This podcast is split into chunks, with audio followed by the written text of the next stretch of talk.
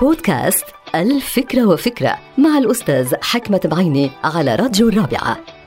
فكرة اليوم لها علاقة بالتنافس أو المنافسة وبشكل محدد الإقصاء التنافسي. كلكم تعرفوا في علم البيئة هناك فرضية بتقول أنه التنافس بين الكائنات الحية بيؤدي إلى انتصار الأقوى وإقصاء الأضعف. بالعادة طبعا بيكون التنافس أقوى بين الكائنات اللي بتنتمي إلى نوع واحد لأنه حاجاتها واحدة. وبتضيف هذه النظرية أنه بالنهاية سيفوز أحد المتنافسين وبيحرم الآخر من الموارد الطبيعية والغذائية والبيئية مما يؤدي إلى الانقراض.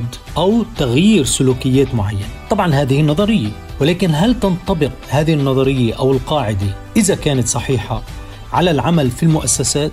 هل فعلا التنافس الكبير بين الموظفين أو بين المدراء يؤدي إلى الإقصاء أو إلى تغيير بعض السلوكيات. هل هناك إيجابيات معينة من خلال التنافس؟ أنا برأيي طبعا لأنه بيغير من سلوكيات البعض داخل المؤسسة. ولكن إذا كان فعلا هذا التنافس يؤدي إلى الانقراض أو إقصاء الآخرين بنكون تصرفاتنا تصرفات غير إنسانية لأنه بصراحة نحن ننتمي إلى الإنسانية ولا ننتمي إلى فرضيات إلى علاقة بالأقوى والأضعف في عالم الحيوان.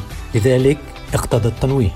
هذه الحلقة مقتبسة من كتاب الفكرة وفكرة.